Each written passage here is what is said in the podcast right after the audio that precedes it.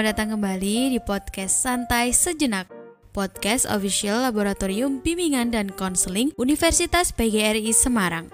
Di sini kita akan santai sejenak dari hiruk pikuk dunia perkuliahan. Jadi, selamat bersantai. Pernahkah kalian mendengar kalimat satu teman baik atau sahabat lebih penting daripada memiliki seribu teman yang palsu?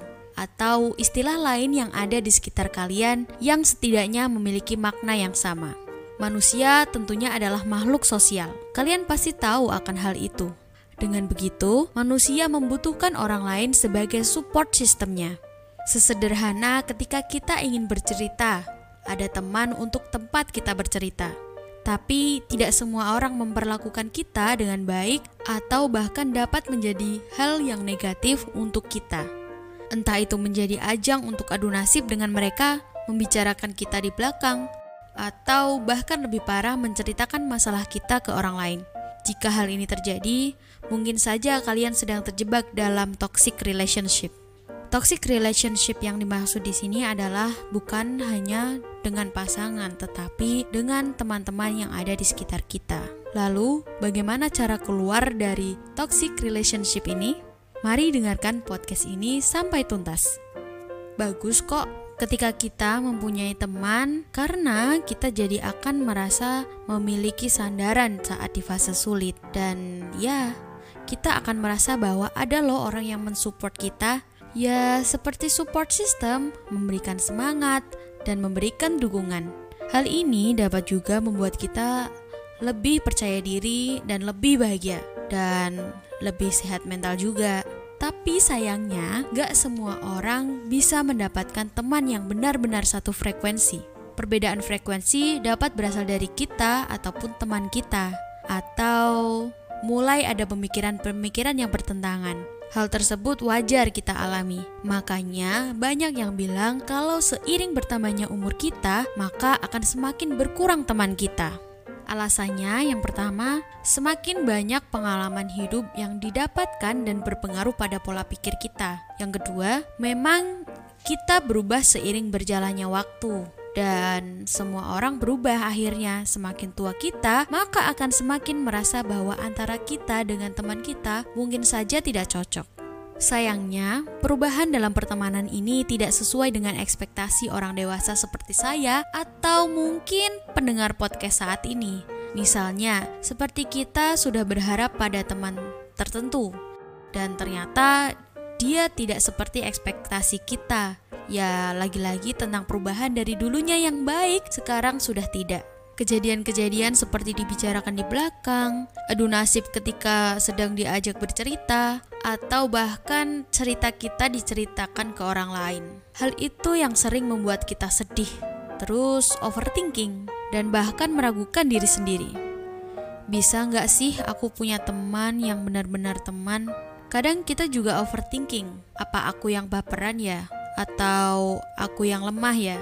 Dan masih banyak lagi lalu kita merasa bahwa ada masalah di dalam diri kita. Kalau dibiarkan terlalu lama, kita akan terjebak dalam pertemanan yang itu-itu saja, dan parahnya kita terjebak pada pertemanan yang merugikan kita. Lalu, bagaimana jika kita ada di toxic relationship atau toxic friendship ini? Bagaimana sih caranya bisa keluar atau mengatasi toxic friendship ini? Sebenarnya banyak cara yang dapat digunakan, tapi di sini saya mau menggunakan filosofi minimalis. Nah, ketika kita hidup, kita perlu membuang hal-hal yang membuat kita tidak senang atau tidak sejalan dengan kebutuhan kita. Karena kalau dibiarkan akan berantakan. Saat ini hidup sudah dipermudah, bahkan berlebihan banyak masalah yang timbul karena sesuatu yang terlalu berlebihan. Lalu bagaimana cara mengatasinya? Hmm, bisa saja dengan mengurangi hal-hal yang kita konsumsi, hal-hal yang memang dekat dengan kita, yang mungkin toksik untuk kita, yang mungkin tidak berguna, atau yang mungkin malah merugikan kita, termasuk pertemanan. Nah, ada beberapa tips yang dapat saya berikan sesuai dengan filosofi minimalism ini. Yang pertama itu luangkan waktu dan tanya diri sendiri. Hubungan pertemanan aku tuh kayak gimana sih? Nah, itu perlu ditanyakan pada diri kita sendiri. Apakah memberikan keuntungan untuk kita apakah memberikan kebahagiaan untuk kita? Hal ini dapat kita tanyakan pada diri sendiri. Kalau misal jawabannya adalah, "Wah, aku senang."